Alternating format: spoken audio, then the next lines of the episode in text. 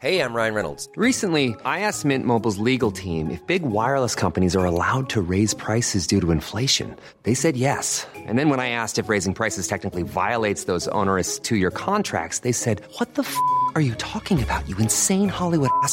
So to recap, we're cutting the price of Mint Unlimited from $30 a month to just $15 a month. Give it a try at mintmobile.com slash switch. $45 upfront for three months plus taxes and fees. Promo for new customers for limited time. Unlimited more than 40 gigabytes per month. Slows. Full terms at mintmobile.com.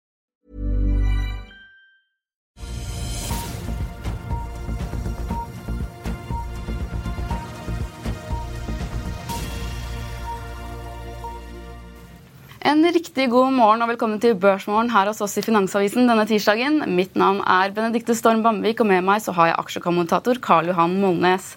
Senere i sendingen så får vi også besøk av forvalter av fondet Holberg Global, Harald Jeremiassen, der vi bl.a. skal prate om Nvidia og AI-boomen som vi har vært vitne til så langt i år.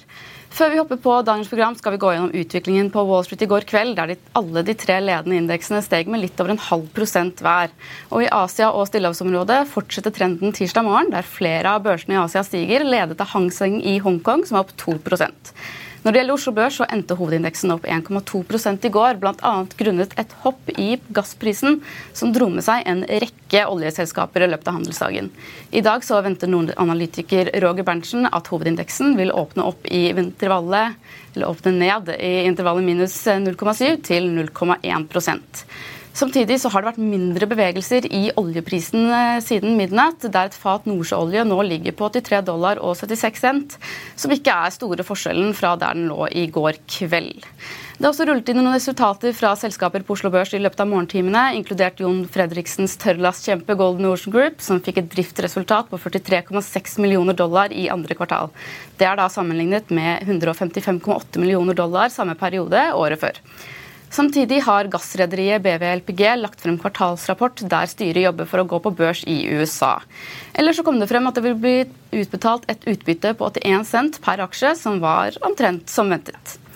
Måsøval melder også om et operasjonelt driftsresultat på 211 millioner kroner i andre kvartal, opp mot 501 millioner kroner samme periode året før. Til sammenligning, sammenligning, så hadde DNB Markets i forkant ventet et operasjonelt driftsresultat på 238 millioner kroner. Det har også tikket inn nye oppdateringer fra meglerhusene, der bl.a. Carnegie har gått fra hold til kjøp på både Smartcraft og Arendals Fosse Company. Før vi går over til dagens gjest, så tar vi en liten pause. Og så kommer vi med Karl Johan og Harald Jeremiassen fra Holbergfondet. Vil du bli oppdatert på det viktigste som har skjedd innen finans og næringsliv? Da er det bare å følge med, for hver morgen er jeg, Marius Lorentzen og aksjekommentator Karl Johan Malnes på plass i studio for å ta tempen på dagens marked i Børsmorgen. Og hver ettermiddag oppsummerer vi alt du trenger å vite i økonominyhetene, og det blir selvfølgelig masse interessante gjester. Klikk deg inn på fa.no-tv, eller søk opp Børsmorgen og Økonominyhetene der du hører på podkast. I'll see you in court. Vi sier det ofte litt på spøk, men for deg som driver business, er det aldri moro å innse at du ikke har laget en 100% gyldig kontrakt. Du bør ikke risikere hele firmaet ditt fordi du synes dette med kontrakter er litt stress. En avtale er ikke en avtale. Du kan miste kunder, miste venner, ja, til og med miste inntekter om du ikke lager en skikkelig kontrakt, på alt mulig, egentlig. Men vi vet det er et styr. Kopimaskiner, treg printer og haugevis av papir. Dessuten stoler vi jo på folk her i landet. Det er ofte litt kleint å skulle be om en signatur for alt mulig, ja, for mye av styret handler også om jakten på underskriften. Det finnes en enkel måte å løse dette på, Dukkobit, en trygg, effektiv og get this, gratis måte å sikre seg en god natts søvn pluss en juridisk bindende avtale. Dukkobit-appen har de strengeste sikkerhetskrav i bunn, samt en EU-godkjent og sertifisert teknologi. Framover vil det bli behagelig å spørre du, skal vi skrive under på det, eller? Kom i gang på dokobit.no.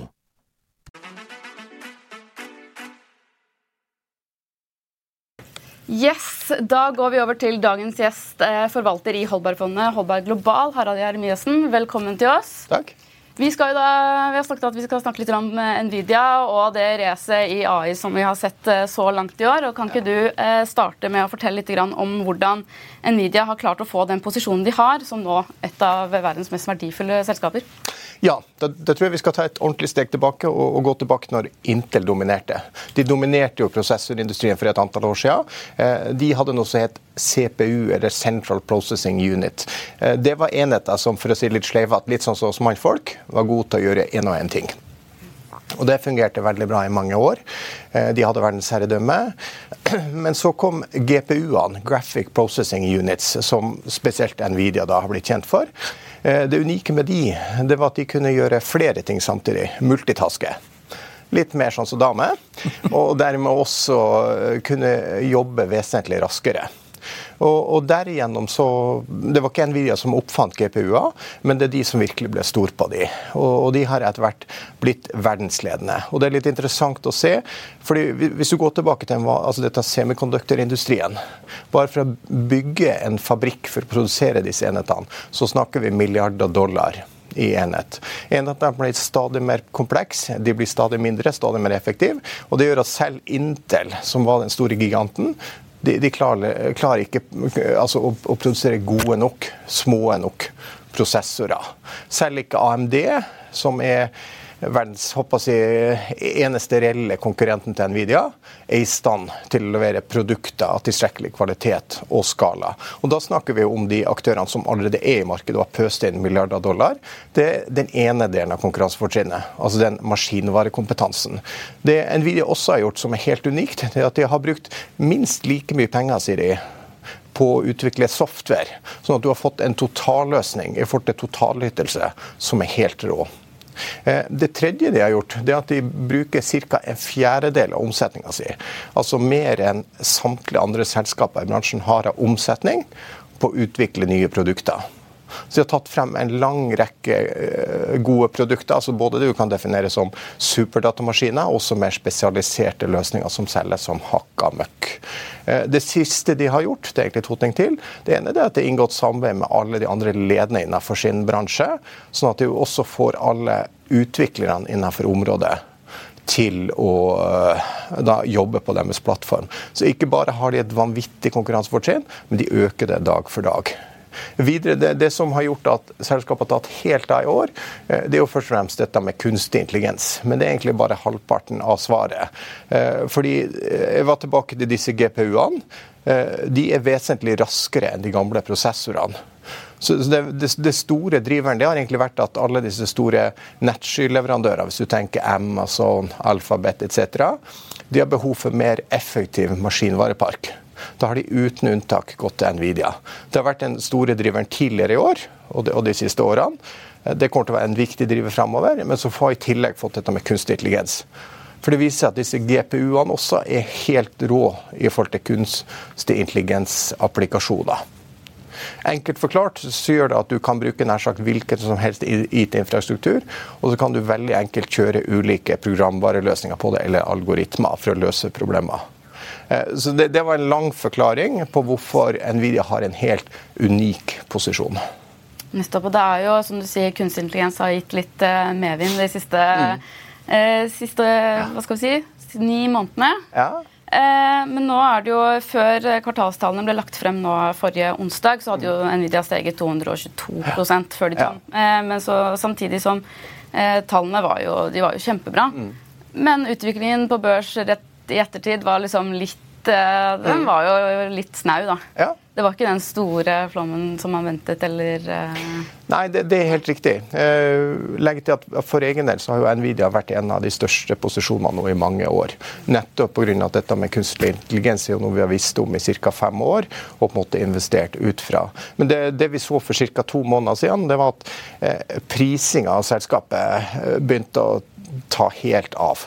Uh, altså, som vi har vært innom, fantastisk selskap, med, med problemet at når prisinga begynt å nærme seg 100 ganger årets inntjening da sliter jeg. Eh, fordi I motsetning til en del andre av disse store tech-selskapene, så leverer de ikke bare programvare. ikke? De leverer ekstremt komplisert maskinvare med ekstremt kompliserte verdikjeder. Eh, deres nyeste, råeste produkter. Over 70 000 komponenter, f.eks. Eh, så, så litt ut fra sånn tanke på at, uh, at prisingen bør bli høy, så halverte vi faktisk posisjonen sjøl for to uh, måneder siden. Okay, så Hvor stor posisjon tar den av uh, fondet? Nå er den ca. 3% av fondet. Okay. Den var tidligere 6 Det som har skjedd i etterkant, er at de, de leverte et fantastisk forrige kvartal. og så leverte de et kvartal som var helt uten sidestykke nå akkurat. Altså Selskapet totalt omsatte for 4 milliarder dollar i kvart, altså foregående kvartal i fjor. Eh, kun dette kunstig intelligens-området omsatte nå for over 10 milliarder dollar. Og, og det vi da ser, er at eh, selskapene ikke bare leverer fantastiske tall, eh, men de guider også opp, ikke bare for inneværende kvartal, men også for ut året og neste år. Og, og Det vi da eh, ser har skjedd med estimatene, det er f.eks. at estimatene for neste år har faktisk mer enn dobla seg. Og Hvis vi da går tilbake til denne prisinga, som begynte å nærme seg 100 ganger årets inntjening, så er vi nå nede på en prising på 45-gangeren. Eh, gitt at selskapet har bevisst en evne til å levere si 50% pluss årlig resultatvekst, og det forventes fremover, så kan du faktisk argumentere for at aksjen nå skal være litt høyere priser. Eh, men gitt at de ikke leverer software, men litt mer sånn kompleks maskinvareprodukter, så er egentlig dagens prising på 45-gangeren fair. Dessverre, vil jeg si. For mitt, mitt, ønske er jo egentlig at aksjen krasjer skikkelig, så at jeg kan kjøpe mer. Vi har erfaring fra folk innen databransjen som ja. er veldig kreative med regnskapsføringa. Og her har jo hatt en voldsom vekst i salget uten at, eh, uten at det er noe vekst i kostnadene. Og det mm. er jo et eh, varseltegn. Da. Og mm. Det er jo spørsmål blir jo reist på Twitter og enkelte om at eh, det er noe sånn letters of credit som har finansiert salg fram i tid til kinesiske leverandører, som man da måtte gjøre for for, foran enkelte data, slik at man kunne senere si at ja, men dette var solgt. Ja. Men selv om du gjør dette her, altså vi har jo tradisjon, vi, vi vet jo om folk som har bokført mm. intensjonsavtaler som inntekter. Ja. Det går veldig fort med denne gjengen her. Ja. Eh, og, og, hvis du da har bokført noe som du ikke har solgt, eh, vanen må fysisk skifte hånd. Mm. Eh, har dere undersøkt noe rundt disse ryktene her, om dette stemmer, eller er dette her eh, noen analyt... Det er 55 analytikere som har kjøpsanbefaling anbefaling. Forventer ikke at noen av de graver i dette. Men dere som er på kjøpsida, kan jo grave i sånt. Har dere funnet noe rundt dette her? Det du påpeker er en veldig relevant problemstilling. og det, det, er viktig grunn til at de fleste av oss håper å si proffene, vi fokuserer egentlig ikke så mye på regnskapstall, men fra kontantstrøm. ikke sant? For det er penger som de faktisk har fått. Så Det er den viktigste avsjekken vi gjør. Eh, men det er mange måter de kan drive og justere tall på. Nå, nå snakker jeg generelt, nå snakker jeg ikke om Nvidia. Eh, F.eks. at man holder under såkalte lønnskostnader. ikke sant? Opsjonsordninger og sånt, og sier at det er ikke en del av inntjeninga. Eh, så, så det, det, er vi i høyeste grad bevisst, men vi ser ikke tendenser til det på Nvidia. Snarere vil jeg si Tvert imot, når det gjelder Nvidia og de andre dominerende tech-selskapene, så ser du at de forsøker egentlig å snakke ned resultatene sine. Ut fra at Deres hovedkonkurrent er faktisk amerikanske myndigheter og andre som har lyst til å regulere dem. Ut fra at de har en vanvittig sterk markedsposisjon.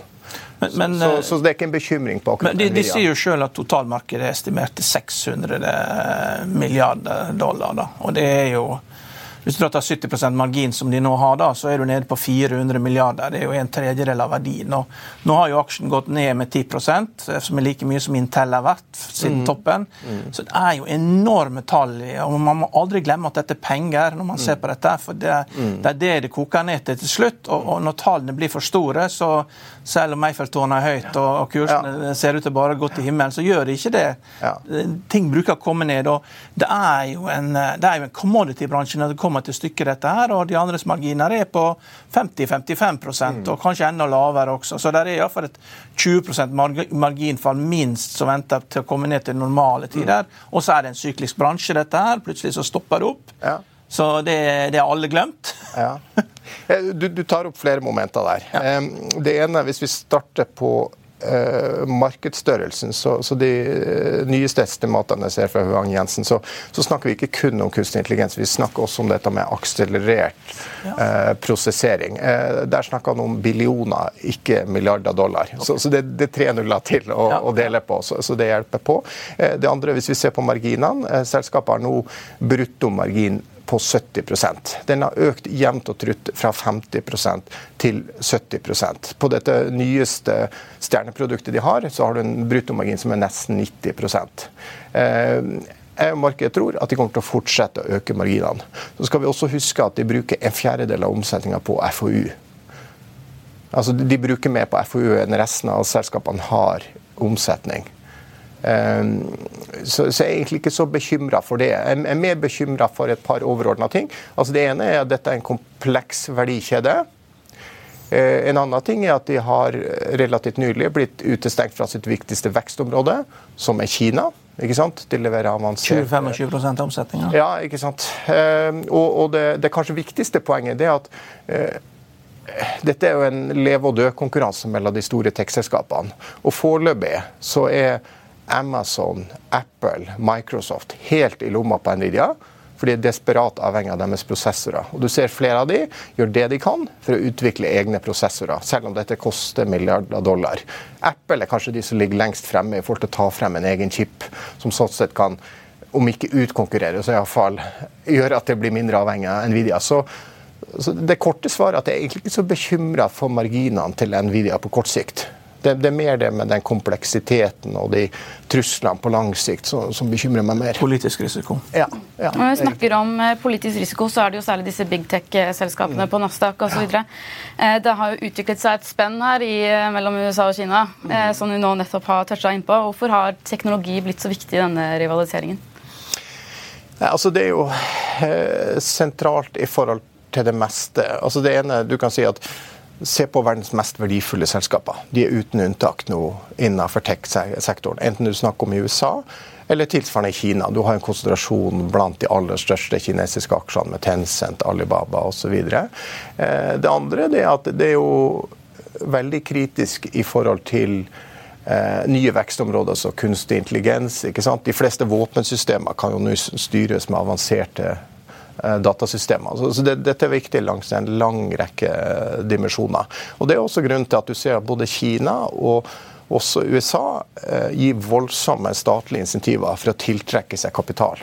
Vi mister f.eks. nå eh, innovasjonskraft knytta til batteriselskaper. ikke sant? Fordi at USA ser på det som strategisk, på samme måte som de ser på dette med mikroprosessorer som strategisk, og pøser ut milliarder dollar til de mest lovende selskapene. Så dette er i høyeste grad en sånn eh, eh, ja, eh, tvekamp mellom to supermakter. Eh, og, og, som investor i Nvidia så er jeg egentlig litt bekymra. Og det var også en delgrunn til at jeg da solgte meg ned for et par måneder siden. ikke sant? At når du plutselig ikke kan begynne å selge til det som skulle være ditt største vekstmarked fremover, så, så skal man være litt bekymra for det. Nettopp. Vi skal jo gå litt videre fra Nvidia, men før eh, vi går videre til alle de andre selskapene du har i porteføljen ja. Du har jo 30 selskaper eh, som du forvalter akkurat nå. Ja. Eh, skal man kjøpe eller selge Nvidia nå? Det kommer an på eh, horisonten. Eh, hvis man driver kortsiktig trading, så vil jeg anbefalt å solgt. Eh, hvis man eh, investerer langsiktig, så vil jeg anbefalt uten å nøle at man har en viss posisjon i Nvidia. En ting er at Nvidia har gjort det bra i år, men hvis du ser siden årtusenskiftet, så er aksjen opp over 50 000% Det er en av de aller beste selskapene på amerikanske børsen. Eh, det hadde litt nær døden-opplevelse etter år 2000. Så hvis du ser avkastninga siste ti år, så snakker du 100 000 avkastning på Nvidia. Og det er tilbake til disse konkurransefortrinnene som jeg var inne på. Det er lett å på en måte overse det hvis man ikke kan case. Men, men jeg, jeg, tror de har potensial til å stå igjen som en av kursvinnerne per 2030. Så jeg vil anbefale, hvis man kan holde igjen på noen øl, og så ta ta de pengene og, og sette det i Nvidia. Ikke hele formuen sin, men, men som en liten ja, andel. og la det ligge der. Ja, men Den økonomien du beskriver nå som en slags våpenkappløp, eh, det betyr jo at rentene skal opp. og mm. Eh, det knuser jo børsen, for det knuser jo bankene. Det, ja. Vi tåler ikke at renten nå går opp med en prosent til. altså. Det er, eh, Etter du har hatt 10-15 år med mm. Så er, det, så er det liksom som å kjøre en dykker eh, kjøre en, Du dykker for dypt ned, og du blir bare, du blir bare knust. altså. Ja. Så da får vi helt andre problemer. og Da mister jo de kundene sine. Ja, det, det, er helt riktig. Det du er på der, det, det, ser vi på tvers av kall det tradisjonelle selskap spesielt. At, at dette med, med, at vi har nå begynner å få høy rente, ikke bare i Norge, men i hele verden, egentlig, det begynner å slå. og Spesielt i forhold til såkalt diskresjonært forbruk. Og med det, det mener jeg ikke mat og sånt som du trenger hver dag, men f.eks. om du skal kjøpe deg en båt eller du skal dra på en dyr ferie, ikke sant? så ser vi at der begynner det virkelig å slå inn. Um, og spesielt i forhold til de dyre produktene. Så ser vi nå på tvers av mange industrier at folk handler ned. De kjøper billigere tjenester. Men den store fordelen for veldig mange av disse tech-selskapene det er at de tilbyr det billige alternativet. F.eks. det å sitte og spille på nett eller eh, gjøre et eller annet på nett. Det er vesentlig billigere enn å dra på en jordomseiling, f.eks. Eh, så, så enn så lenge så ser vi tegn til litt sånn todeling av økonomien, hvor disse store tekstselskapene fortsetter å dra fra. Mens masse tradisjonelle selskap, spesielt knytta til diskursjonært forbruk, sliter. Altså I Norge har vi jo sett det på XXL, ikke sant? og vi, vi, ser det på en del andre selskap at de sliter ordentlig. Og Det er også litt delgrunn tror jeg, til at, at tech-selskapene har gjort det såpass bra i år. Men, men Nvidia blir jo drevet av datasenter, ikke sant? primært. Ja, ja riktig.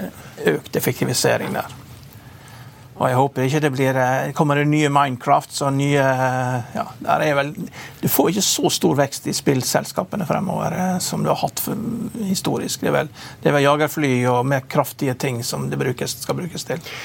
Ja, altså, det, det du er inne på er helt riktig. Altså, historisk så, så har det vært denne gamingvirksomheten til Nvidia som har vært driveren. Altså rett og slett eh, profesjonelle, altså profess, profess, eh, prosessorer som har gjort at spill blir langt bedre. Det har vært hoveddriveren. Men de siste tre-fire årene så er dette med datasenter som har blitt den nye driveren.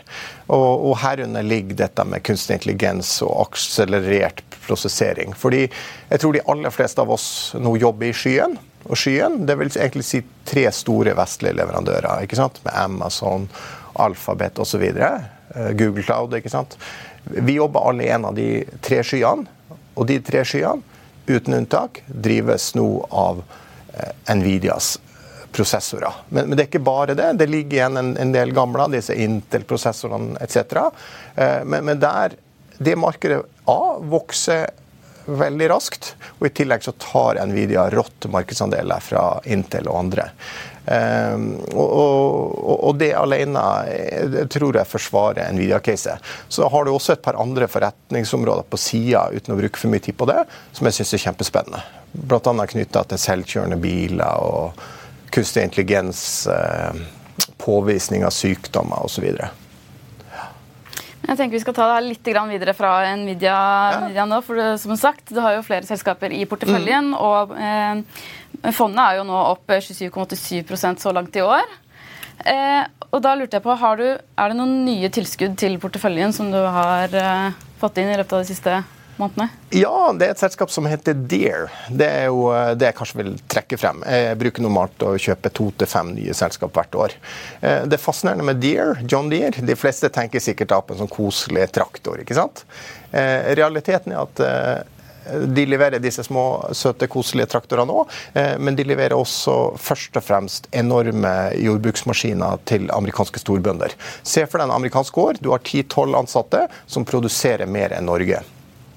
Og de maskinene de leverer til de, eh, det er ikke en koselig liten traktor, men en svær traktor. Og så har han flyvinger på sida av seg. Forestill deg 30 meter ut med vinger. ikke sant? Spekka med sensorer, som da overvåker til sammen over 60 meter når du kjører.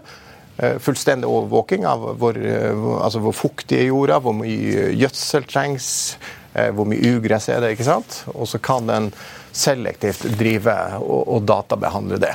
Så da er nøkkelen at de har allerede en knallsterk posisjon i forhold til å levere disse maskinene. Og så er de i ferd med å bygge opp noe en digital tjeneste. Hvor du både får selvkjørende traktorer, og du gjør dataanalyse og tar deg godt betalt for det. Så det, det, er en forretningsmodell som ligner egentlig på masse av de andre store klassiske tech-selskapene. Det er en NRK-episode der Russ Jones går på tvers av Canada, og i en fjerde episode eller sånt, så ja. møter han en uh, ukrainsk flyktning som nå er, uh, driver, høster inn korn da, ja. med en sånn combined harvester. Da. Ja. Og Han konkluderer med at ting har blitt stort, men det skal bli enda større. Og Derfor ser du også forskjellen på hva er det som gjør at du driver med effektivt landbruk. Det er før i tiden, før du hadde for mye gjødsel, og sånn, så kunne Ukraina være best med bare med å ha god matjord. Men nå er det, nå er det Men på tross av det da, så får de bare leveranser til afrikanske land. Hvorfor mm. det, tror du? Jo, det er fordi at eh, plutselig, i 2003-2004, så har du et uår. Og det har du ikke i USA. Der kan du liksom du kan satse stort, du har skikkelig logistikk, og du leverer til næringsmiddelindustrien. Mm. Så du blir en del av et, eh, en, en enorm verdikjede. Da. Og bare og og seeing is believing. Når du får se dette her, og så tenker du litt hva er forskjellen. Jeg skrev en kommentar om dette her i sommer. Ja, nettopp. Ja. Nei, men det, det, det, det, er akkurat kjernen av det caset. Ja. Og, og, midt i kjernen av dette eh, sitter jo også Deer, ikke sant. Ja. Og det er på nytt igjen, dette er et selskap som altså Om det går opp eller ned på børsen i år, det har jeg ingen formening om, men fram mot år 2030 så tror jeg absolutt det er en av vinnerne, sammen med Nvidia. Ja. Vi ser på, på avkastnings... at du er no 95th percentil. Altså Hvis du tar da fra 1 til 100, da, så er du på sjetteplass av de, av de 100. Da, som, så det er liksom Hvilke aksjer er det du skulle ønske du ikke eide, da, som ville gjort at du kom på pallen eller kom på førsteplass? Har du sett på det? Eh, nei, vi har ligget historisk på førsteplass. Men vi har hatt litt svak periode i siste, så vi må bare beklage det. Ja. Eh, Eh, nei, jeg opplever at egentlig vi har gjort ganske mye rett. Og, det viktigste det er egentlig å ikke la seg distrahere for mye av kursbevegelser på kort sikt, men klare å finne de selskapene som rett og slett vokser raskere enn peers. Uh, ikke bare på kort sikt, men også på lang sikt. Og som uh, har tilstrekkelig defensive styrker. Men det mener jeg at, at selskaper kan ikke bare ha ett produkt ting skjer i verden, spesielt i et litt lengre perspektiv. Da er det viktig å ha selskap som både vokser raskt, og som står seg hvis ting endrer seg. Du kan få en gæren president i USA, du kan få pandemi, du kan få krig. Ja. For et par måneder siden så hadde du en stor posisjon i Otovo. Er du ute av den, eller er du fortsatt med der? Jeg har fortsatt en eh, testposisjon der. Okay. Jeg har en måte å jobbe på som er at eh, vi starter med små posisjoner, og så lar vi selskapene eh, levere. Og så tar vi de opp. Okay. Eventuelt så tar vi de ut hvis de ikke leverer. Og okay. Ottove er en sånn test case som okay. vi foreløpig har en relativt liten posisjon. Har veldig tro på det markedet de opererer i, altså dette med solceller, og spesielt forretningsmodell, som er å ikke bare produsere solceller som jeg tror blir commodity, men lage en digital markedsplass. Så kan da tjene på det med økt skala. Men på nytt igjen, det er en liten startposisjon, så vi får se hva som skjer der. Okay. Yes, da tenker jeg at Vi må begynne å sette en strek der. Vi kunne jo snakket om det her i flere timer. Ja. jeg tror det er greit at man får en eh, pause på det. Tusen takk for at du kom, Harald Jeremiassen, forvalter i Holberg Global. Før vi setter en strek for dagens sending, skal vi ta en kjapp titt på andre nyheter. I dagens avis så skriver Finansavisen om sjefstrateg i Nordea Markets som tror strømprisene, priskrig på elbiler og svakt forbruk hindrer en ekstra renteheving, og at hevingen til 4,25% ved neste rentemøte blir den siste.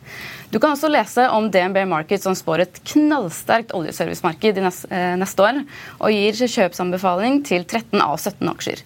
De større selskapene liker meglerhuset av de større selskapene selvfølgelig, så er det eh, riggselskapene og Subsea7 som er favorittene. Det er imidlertid to aksjer som DNB Markets anbefaler å holde seg unna. Mer om dette og mye mye mer så kan du lese på fa.no. Og Dermed så runder vi av Børsmorgen for eh, denne gang. Husk å få med deg økonominyhetene senere i dag 14.30. I mellomtiden så får du siste nytt på fa.no gjennom hele dagen, og vi ønsker deg en riktig god dag videre. Takk for nå.